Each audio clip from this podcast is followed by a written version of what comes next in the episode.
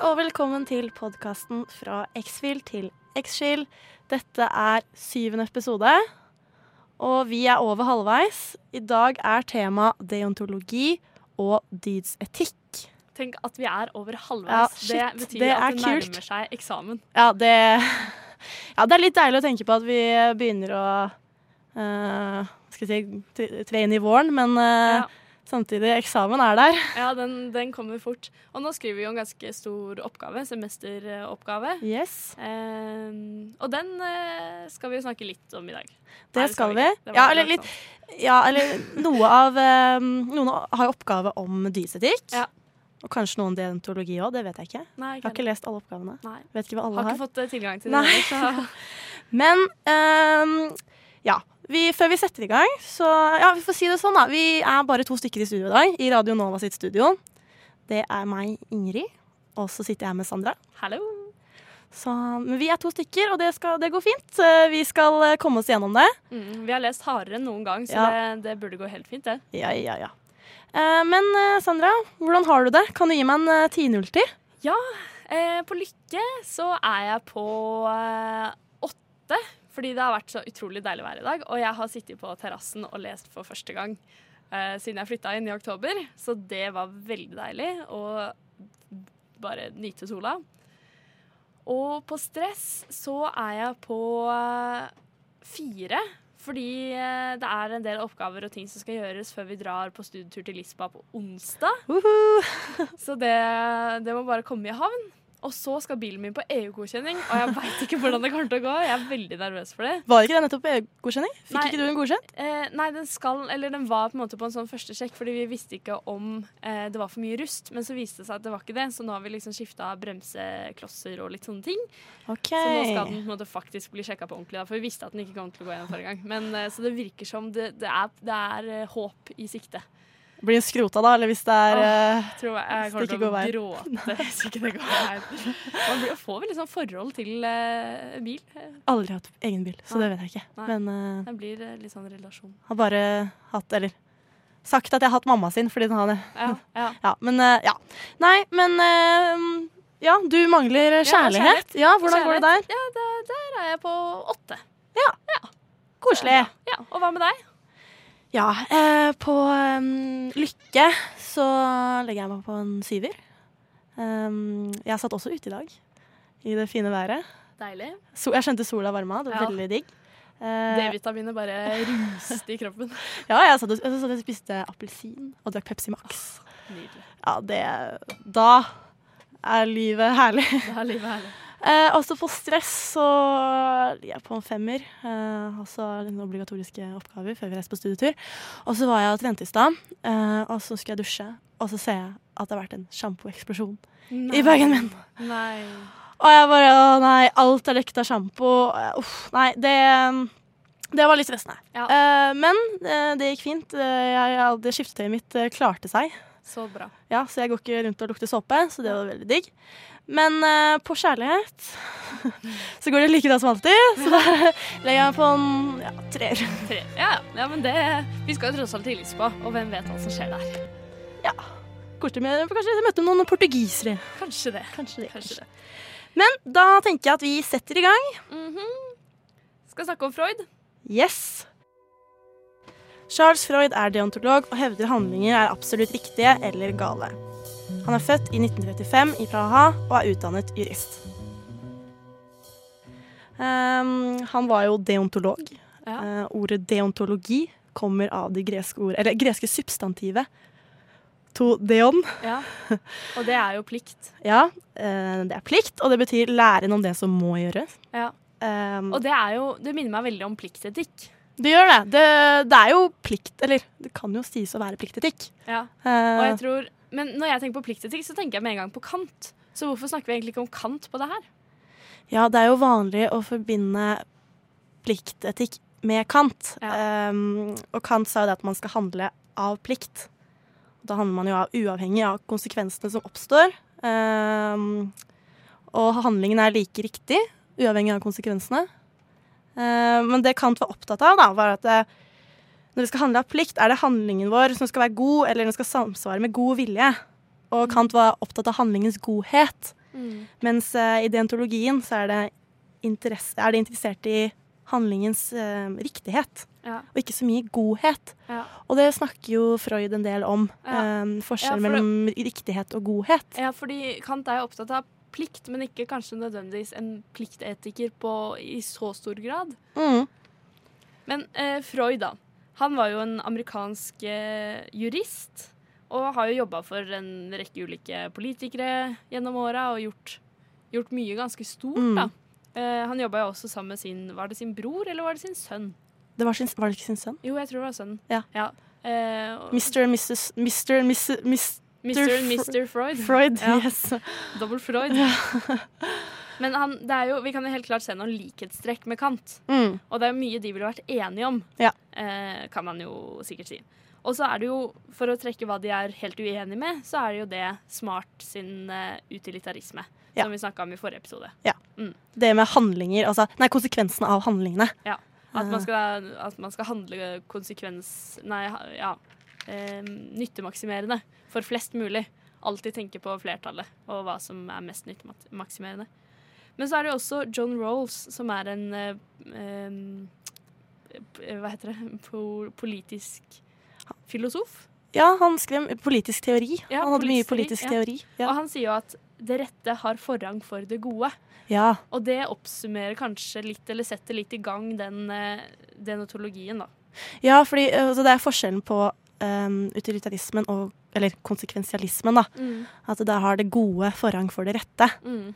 Uh, så, mens i um, deontologien så er det det rette som Har forrang for det gode. Ja, Ja. så det er på en måte det som bestemmer våre verdier. Ja, Og det betyr jo egentlig at det er noen ting som vi ikke skal gjøre. Og det er Mm. liksom, disse tingene skal absolutt, absolutt ikke gjøres. Og det snakker han jo om i, eh, i teksten han skriver 'Rett og galt'. Mm. Eh, at det finnes liksom absolutte eh, ting som er galt, da. Eksempel å drepe eller å lyve. Ja, han kaller han ikke um, kategoriske normer. Mm. At disse er et slags uh, sånn grunnlag for det skal du ikke gjøre. Og du kan jo si at dette her gjør jo også at mange kan, eh, kan du si, kjøper den, dentologien, da. Fordi at man er ganske enkelt enig i at det er ikke riktig å drepe. Mm. Så sånn sett er det rett, lett å bli, være enig, da. Eh, for den er ganske folkelig, kan du si, på den måten. Ja. At det er ting som du ville tenkt Ja, dette her, disse normene kan jeg stå for. Mm. Eh, dette her er jeg helt enig i. Eh, I utgangspunktet, da, i hvert fall ved første øyekast. Ja, fordi hva skjer når man har to kategoriske normer som er absolutte, og du får en normkonflikt? Ja. Hva, hva skal du gjøre da? Eh, det er jo også et spørsmål eh, Freud tar opp. Mm. For, men, for det, det er jo litt det at man eh, Hva man skal gjøre da. Altså man legger jo vekt på intensjonen Mm. i eh, dentologien. Og intensjonen den vektlegges over konsekvensen. Eh, så for eksempel, du kan se på det som uaktsomt drap og drap. Mm. Og her har jo Freud et eksempel eh, med Mabel som ønsker å drepe Ted. Mm. Eh, og så eh, gjør hun da Hun kjører over Ted med et uhell. Så selve drapet på han, det var et uhell. Ja. Men hun ønsket jo denne tilstanden i verden. Hun ønsket jo han død. Mm. Og derfor så sier eh, Freud at det må være to, eh, eh, to krav for at det skal være altså, du skal eller det skal være med intensjon, da. Ja. Og det er at du har en hensikt eller en plan om å oppnå noe, f.eks. at en person skal dø. Og nummer to, at din handling leder til den bestemte tilstanden i verden. Ja. Så her kan du si at Mabel oppnådde én av to, da. Det var jo ikke Hun ønsket jo hun ønsket jo den situasjonen, men det var ikke akkurat det hun gjorde med intensjon som gjorde at det skjedde. Ja. Eh, men hadde hun gått og skutt han, så hadde det jo vært, da hadde de oppnådd begge kravene. Og da hadde det jo vært en absolutt gal handling. Ikke sant? Så um, man tenker jo at altså, det er jo eh, Når det er noe motstridende, da, Mm. hva skal man gjøre? Men Freud ser jo egentlig ikke det så veldig problematisk. Men det trengs å diskuteres, Mm. så man kan forstå normene, og man kan sette normene opp mot hverandre. Og et annet eksempel da, eh, er hvis eh, selvforsvar, som også Freud tar opp. ja. Ja. for eksempel da, hvis det er en kategorisk norm. du skal ikke stjele. Mm. La oss si at jeg eh, har fått en alvorlig sykdom, og jeg trenger en sprøyte for å bli kurert. En sprøyte med et eller annet. Mm. Og du har den eh, sprøyta. du, men du vil ikke gi den til meg. Um, og da er det Skal man Skal jeg stjele den? Mm. Og da er det kategorisk norm å si at nei, du skal ikke stjele. Ja. Men en annen uh, norm er at du skal ha respekt for ditt eget liv. Ja. Og da settes den respekten overfor ditt eget liv foran du skal ikke Ja. uh, stjele. Mm. Eh, så Ja, da så blir, man- det blir på et slags selvforsvar, men samtidig er det ikke selvforsvar, fordi Ja. er, du sikter jo ikke Nei, pistolen nei, mot huet mitt, men ja, At man på en måte har litt lov til å sette seg selv ovenfor fordi du skjønner at den konsekvensen det gir meg, mm, eh, den er ikke like stor som den konsekvensen du vil få hvis du ikke gjør det. Ja. Eh, og så snakker han jo også om kausalt virkningsfulle valg. Og det handler rett og slett om det som skjer, altså handlingen du gjør for at noe skal skje. mm, Uh, og det er jo det Mabel gjorde når hun kjørte over Ted. Så gjorde hun jo en handling. Hun kjørte, uh, og så døde Ted. mm, Og det var ikke med intensjon, at uh, Ted døde. nei. Nei. Men hun ønsket det jo likevel. Ja, fordi hvis ikke så hadde jo hun Gått og skutt han etterpå, kanskje. Ja. Og hadde hun gjort det, så hadde handlingen vært intensjonell. Altså Mm. med intensjon. Ja. Så der er det litt sånn Denne kausalt virkningsfulle valget var det som var valget som gjorde uh, Som førte til en årsak som gjorde at det skjedde. mm, At han døde. Ja. Ja. Eh, så forbindelsen fra det her da, til den absolutte normen, altså det vi burde gjøre, det er eh, det som fører til gode handlinger. Ja. Så det er jo det at vi stoler på dette her, tror jeg er godt, da. Um, og Freud tar jo uh, Han kritiserer jo mye uh, konsekvensialismen, eller utilitarismen, da. Mm. Han trekker både den litt ned, for Ja. å så bygge opp sin egen teori. Mm. Eh, og han har jo peker på flere svakheter. Mm. Eh, for det første så peker han på en manglende respekt for menneskets spesielle verd. Mm.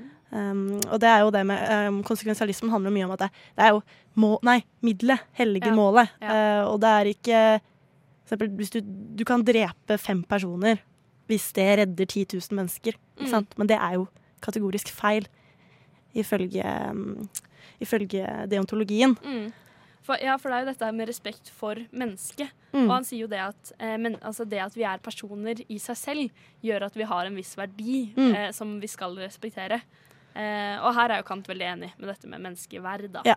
Eh, at, eh, ja, som du sier, at, eh, at mennesket skal ikke være et middel, men mål i seg selv. Yes. Og så en annen kritikk, det er det med handlingslammelse. Mm. Det som gjør en handling er, eh, riktig, er det konsekvensene og for en konsekvens er da. Mm. Og problemet da blir jo eh, eh, Problemet da blir jo det at det, det er mye som eh, gjør at man kan få dårlige konsekvenser. Man vet ikke hvilke konsekvenser en handling har. Og det kan få masse bivirkninger. ikke sant? Ja, for eksempel hvis du, Det er jo et dukkeeksempel. da. Ja. At eh, Hvis du som eh, konsekvensalist eh, tenker at ok, nå kjøper jeg en dukke til lillesøsteren min, og så eh, har hun den dukken, og så setter hun seg i bilen, og så kjører man, og i bilen så ender hun opp med å kaste dukken ut av vinduet, og så er det et annet barn som ser det, løper ut i veien og blir påkjørt. Ja. Og hvis du da som en konsekvensalist tenker at ja, det at jeg kjøpte den dukken til lillesøsteren min, var faktisk konsekvensen for at dette barnet døde, Ja. så da står du ansvarlig for det. Ja. Så eh, svarer jo Men så er jo Man blir jo gæren av Ja. å tenke sånn. Ja, altså, kan er jo egentlig, Man kan jo ikke tenke sånn. Nei, man kan ikke det. Og løsningen på det her er jo årsakskriteriet. Altså Ja. at det må være en direkte konsekvens av det du gjør. Ja. At du kan ikke alltid tenke hva skjer, hva skjer, hva skjer, hvis, hvis, hvis.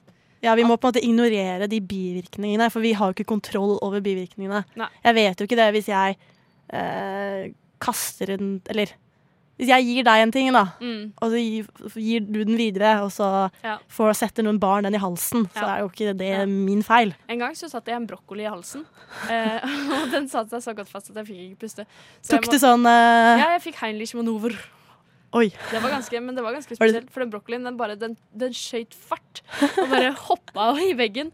Og da, hvis jeg da hadde gått til den brokkolibånden og sagt Vet du hva, du drepte meg nesten, Ja, ikke sant? så hadde det blitt litt for dumt. Ja, men er det det Ja, for det er nettopp det vi ikke kan gjøre. Ja, og, det, og det gjør vi ikke fordi vi tenker på årsakskriteriet. Mm. Altså Vi tenker på at det må være en direkte årsak.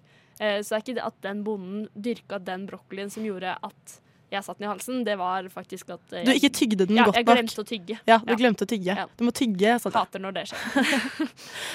Uff a meg. Ja. Um, Og så har vi en siste men det her med årsakskriteriet, det er jo Ja. ikke godt nok for Freud likevel. For han hevder, hevder jo at man er minst like skyldig hvis du leier inn en leiemorder, og så får du noen drept. mm, Så gjør jo ikke det deg noe mindre uskyldig for det.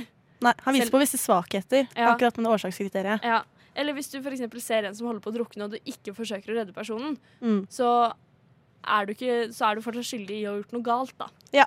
Eh, så det er litt av kritikken han retter mot utilitarismen, eller konsekvensialismen, da. Og så, for å ta siste kritikk òg, da. Mm. Det er det med besettelse. At hvis man er en konsekvensialist, så skal man hele tiden kalkulere og veie opp hvilke handlinger gir mest mulig lykke, Mm. og hvilke handlinger eh, fører ikke til lykke. Og det kan være veldig frustrerende. Mm. For nettopp, man vet jo ikke hvilke konsekvenser en handling vil ha til enhver tid. Nei. Så altså, hvis mennesker skal hele tiden gå rundt og tenke på hvilke konsekvenser en handling har Man gjør jo valg og handlinger hele tiden. Mm. Så det peker Freud på, da. Ja. Som en kritikk. Mm. Ja. Og så snakker han jo om det her med loven om dobbel virkning. Mm. Eh, og det, det kan f.eks. være eh, Man skal jo da Det er jo en lov som sier Eller en norm da som sier at du skal ikke drepe, og den er absolutt. Det betyr at du skal følge den til enhver tid. Eh, og det på en måte finnes egentlig ikke unntak, men så er det jo likevel unntak, da. Eh, som Freud også nevner, at eh, sin egen teori vil bli satt på prøve hvis f.eks.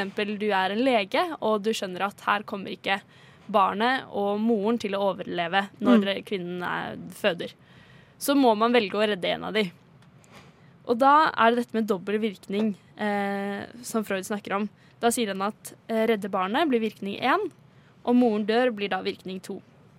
Men dette her kan godtas hvis følgende fire kriterier er, eh, ligger til grunn. da. Mm. Og det er at formålet med handlingen var god. Altså du, formålet var jo godt fordi du ønsket å redde det barnet. Hvis middelet var akseptabelt. Hvis den dårlige virkningen var en bivirkning og ikke ønsket. Og hvis den gode virkningen veier opp for den dårlige. Ja. Og her kan man jo si at dette med å redde barnet kanskje kan krysse seg på alle disse fire, da. Mm. Og sånn sett så er det greit. Ja. Så denne loven, altså poenget med loven er at eh, handlingen, eller handlingen som egentlig under normale omstendigheter ikke er tillatt, Mm. blir tillatt når det oppfyller disse kriteriene. Ja. Så det gir jo på en måte liksom svar da, på de vanskelige Mm. dilemmaene og etiske spørsmålene. Ja. Men så kommer han jo og problematiserer sin egen teori igjen. eh, og der har han to eksempler. Det ene er med fangevokteren på toppen mm. av muren. Som da eh, Han har en venn som sitter i fengsel. Han ønsker å redde den vennen ut. Eh, og så gjør han dette med å sprenge muren. Men så står det en fangevokter på toppen, og han vil da dø ved denne bomben. Ja. Eh, og her eh, hevder Freud at det godtas. Men da Altså Sånn jeg forstår det, så ville det vært rart å skulle slippe ut en som antageligvis har gjort noe galt. Ja, det slo meg også når Ja. jeg leste eksempelet. Men Altså, det det jeg antar, er at det sånn kanskje er en fange, i større, altså en krigsfange, Ja. eller sånn. Ja, det er en fange. noe- ja. ja, Så de slemme, er- det er fangevokteren. Ja, altså. ja. ja, det må jo være det. Og så den andre, det er at det, en, en eh, gjeng med forskere går inn i en hule. en tykk mann sitter, setter seg fast i åpningen. Og så fyller hula seg med vann. Ja, det er sånn den tykke mannen som ligger der. Øy, øy, Slipp meg ut. Ja, så fyller det seg med vann. Og hvis ikke de bruker noen sprengstoffer for å åpne Mm. rommet, sånn at vannet kan slippe ut, så vil alle sammen dø. Ja. Og her, det, her tenker jeg som et veldig typisk utilitaristisk dilemma. Mm. Hvor man tenker eh, OK, vi redder flertallet, Ja. eh, og så Vi sprenger mannen Ja, og redder flertallet. Ja. Men dette her godtar faktisk også Freud. Og det er fordi eh, at middelet var likevel akseptabelt. Altså det oppnår liksom disse fire kriteriene likevel, da, fordi at formålet med handlingen var god. Det var jo, formålet var jo å redde resten av forskerne. Mm. Eh, og mannen ble her på en måte et middel, men samtidig så var jo middelet kanskje i større grad sprengstoffet. da. Ja. Og så var en konsekvens av sprengstoffet var at denne tykkemannen døde. Eh, og den dårlige virkningen blir da en bivirkning. Altså at den tykke mannen dør, blir bare en bivirkning.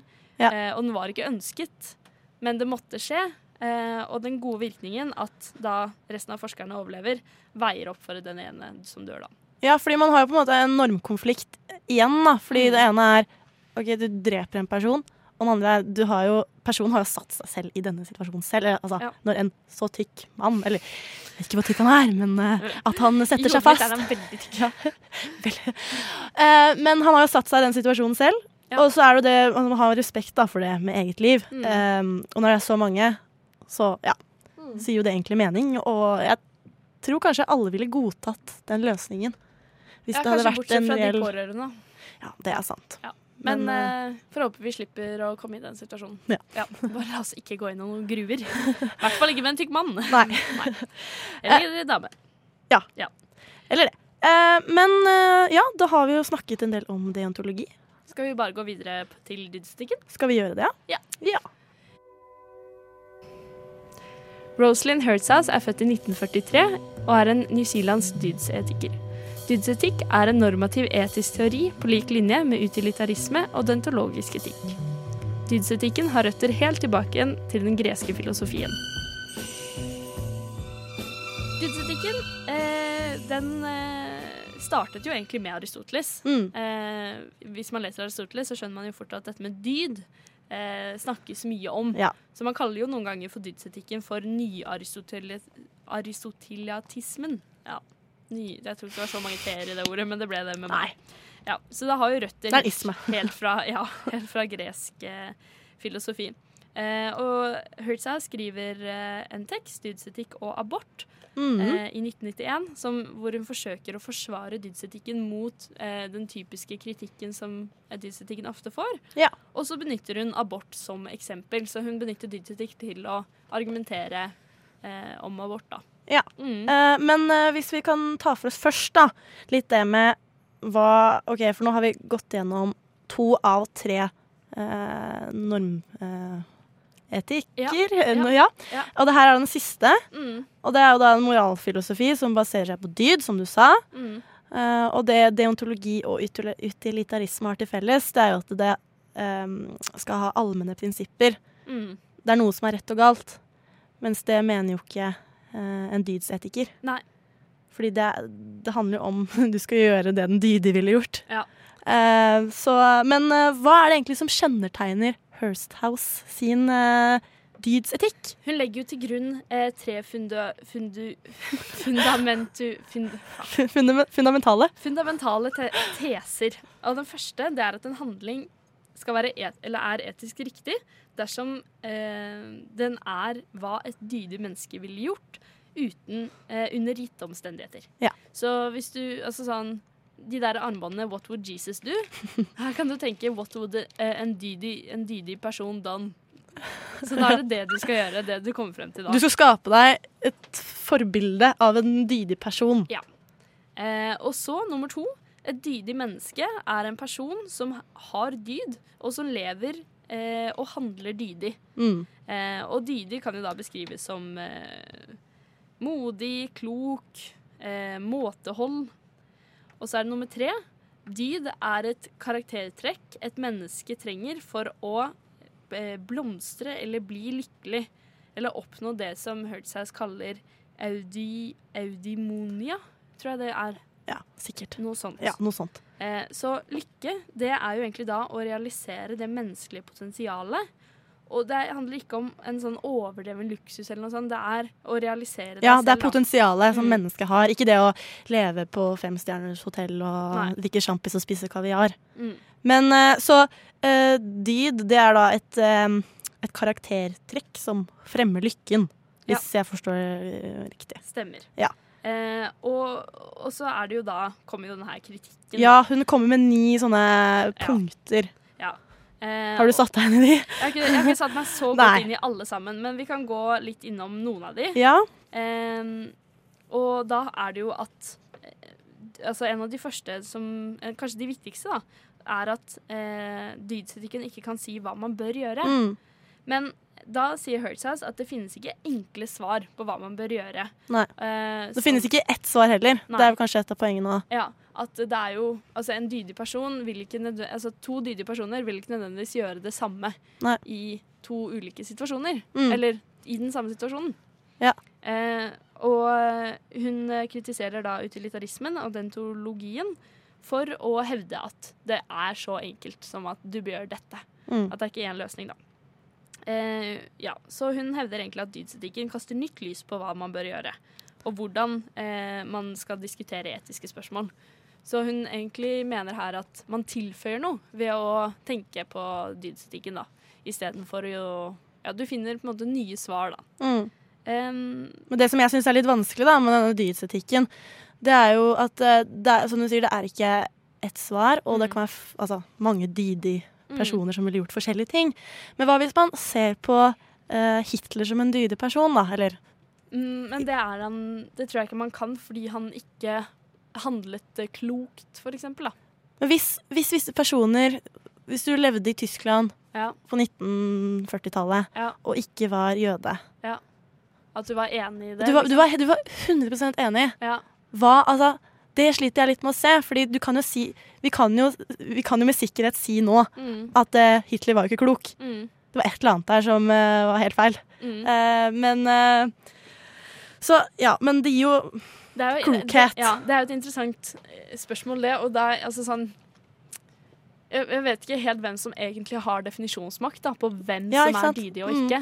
Eh, så det å lage seg et dydig forbilde i hodet sitt kan jo da være ganske vanskelig, egentlig. Eh, men jeg tror eh, på en måte, Hvis du tenker på det å oppnå lykke da, og, og maksimere på en måte dine muligheter, mm, at eh, kanskje man da klarer å finne ut hva Kanskje i større grad klarer å tenke over hva dydighet er. Men så tror jeg heller ikke det nødvendigvis er så lett. Altså sånn Aristoteles i de tekstene vi har lest, så bruker han jo eh, Altså han bruker jo veldig mye av sin tid på å filosofere over hva dyd er. mm. Eh, så det er jo ikke gitt at vi skal klare å definere det så enkelt, da.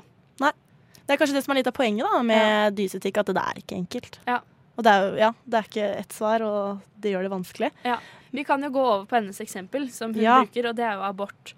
Eh, og hun diskuterer abortspørsmålet og kommer fort frem til at eh, det er to veldig typiske argumenter. Mm, Og det er fosterets status, og så er det kvinnens rettigheter. mm, Eh, og Hertzhaus hun hevder at begge disse to argumentene er irrelevante, hvis du skal se på det med et dydsetisk blikk, da. ja. Eh, og da sier hun at kvinners rettigheter det er irrelevante, fordi spørsmålet det skal dreie seg om moralen, ikke hva som er rett i loven. Mm. Så Så- skiller hva som er rett sånn moralsk sett, og hva du har rettigheter til. Ja, og hun sier at hvis du da skulle hele tiden gått rundt og krevd dine rettigheter eh, til enhver tid overfor vennene dine eller partneren din, så ville det blitt veldig slitsomt da, at vi kan ikke leve i sånn samfunn. Mm, Eh, og her tenker jeg at eh, kritikken ligger kanskje litt på det at eh, i et samfunn som eh, New Zealand, der hvor Hertzhaus kommer fra, eller Norge, så er jo dette i og for seg greit nok at du skal ikke gå rundt og bare kreve alt du har rett i hele tiden. mm, Men hvis du eh, er vokst opp i Latin-Amerika f.eks., eh, under katolsk styre, og du har ingen rettigheter til å ta abort, Mm. og du har blitt kanskje voldtatt til og med, og det er fare for ditt eget liv hvis ikke du får lov til å ta denne aborten, Ja. så er det veldig nyttig å ha noen rettigheter å støtte seg på. mm. Eh, så hun er jo ikke imot disse rettighetene, men hun bare mener at det er ikke det som avgjør hvorvidt det er moralsk riktig å ta abort eller ikke, da. Ja, for dette, man, må, man må ikke forstå det sånn at hun er imot abort, Nei. men hun ser på moralen i det Mm. på en litt annen måte enn kanskje mange andre gjør. Eh, og så snakker hun jo da om eh, fosterets status. Ja, ja, fordi det også avviser hun som Ja. noe som kan legge til grunne for å forsvare Ja. abort. Og det gjør hun fordi hun mener først og fremst at dette har noe med metafysikken å gjøre. Mm. At det er ikke egentlig et eh, etisk spørsmål i det hele tatt. Eh, og at man kan ikke kreve at eh, dydige mennesker skal gå rundt og kunne vite alt om fosterets status til enhver tid. Da. Eh, for det er for omfattende kunnskap å ha. Ja, fordi med metafysikk, er det da tanke på hva som er et liv? Er det det som er spørsmålet? Når det Ja. blir et liv, og når, så når det er et menneske, når det Ja, ikke er et det er nok det, det hun som- eh, refererer til. Ja, det, det var det vanskelige spørsmålet å ta stilling til, ja. Mm, ja. ja. Sånn sett, ja. Ja. Mm. Og så snakker hun jo da om kanskje det viktigste av disse biologiske kjensgjerningene. ja. Fordi hun mener at eh, den eh, debatten om abort egentlig har tatt helt av. Altså det har gått i helt feil retning, fordi man, man ser på det som å fjerne noe fra kroppen sin. Altså som å- at man eh, forenkler det nesten like mye som å fjerne en blindtarm eller klippe håret eller klippe neglene. Altså sånn, Ja. Du skal bare fjerne noe. Mm. Eh, mens eh, Hertzhaus hevder at vi har noen biologiske kjensgjerninger som er eh, noe mer, da. Det handler om at eh, fosteret er ikke bare et foster, det er et Det kommer til å bli et barn. Mm. Eh, det, har, altså, det kommer til å skape masse kjærlighet. Det blir en familierelasjon. Du vil bli foreldre. Altså, det er veldig mye mer eh, som man ofte glemmer, da, at, eh, at det ligger til grunn for dette fosteret før det i det hele tatt bare kan snakkes om som bare et foster. Mm. Så vi glemmer disse biologiske kjensgjerningene i den eh, debatten, da, hevder Hertzhaus. Um, og det gjør at eh, debatten tar helt feil retning. Fordi at vi må snakke om denne da familierelasjonen. Altså det er disse tingene som avgjør hvorvidt det er moralsk eller ikke. Mm. Um, så et dydsetisk syn på abort handler jo om hvordan disse ulike kjønnsgjerningene inngår i et eh, resonnement av eh, den dyd, dydige eller lastefulle. Altså Ja, det motsatte av det dyd. motsatte av dyd. Ja. Eh, så det handler om følelser, det handler om familieliv, det handler om eh, lykken som dette er eh, et barn kan eh, Mm. føre med. Og da, hvis du da skal ta abort, så må du legge til grunn alt det her. Ja. Og hvorvidt vil denne lykken på en måte nå deg, da? Mm. Og hvis du Altså hun hevder at det er hvis du tar abort eh, fordi du har vært uforsiktig, så er det en last. Og du gjør en lastig handling, da. Ja. Eh, så det er helt galt. Men hvis du kan begrunne svaret godt Ja. med å vise til disse biologiske kjensgjerningene Ja, eksempel Så- at du har, du har fire barn fra før, da, og Ja. du har ikke stort nok hus til å Eller du har ikke mulighet til å ta deg av et femte barn, eh, så kan det være en grunn. Ja. Eller at du ikke, altså du ikke vil ha mulighet til å ta vare på barnet, eller du er for sliten. Hun kommer jo med et eksempel om at du jobber i en kullgruve, og Mm. du drar kull etter deg, og du krabber inni en sånn gruve.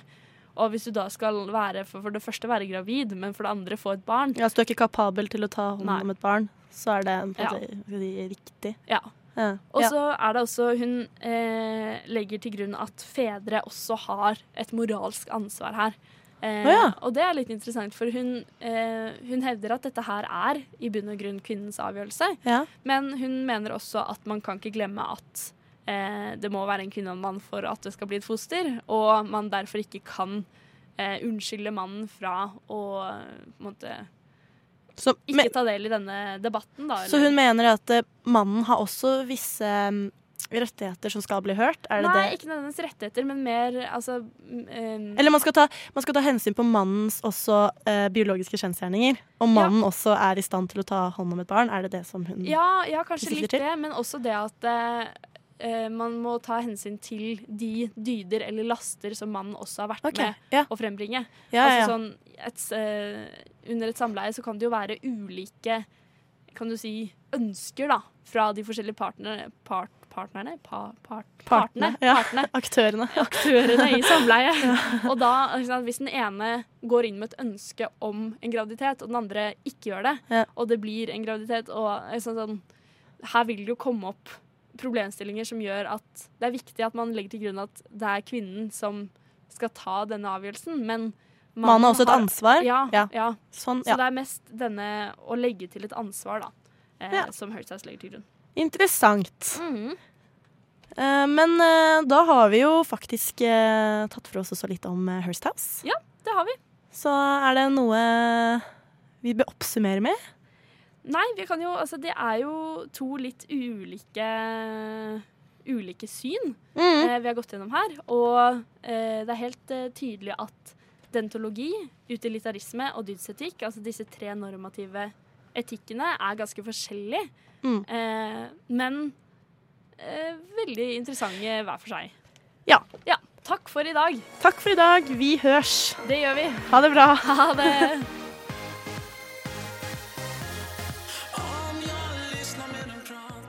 Nå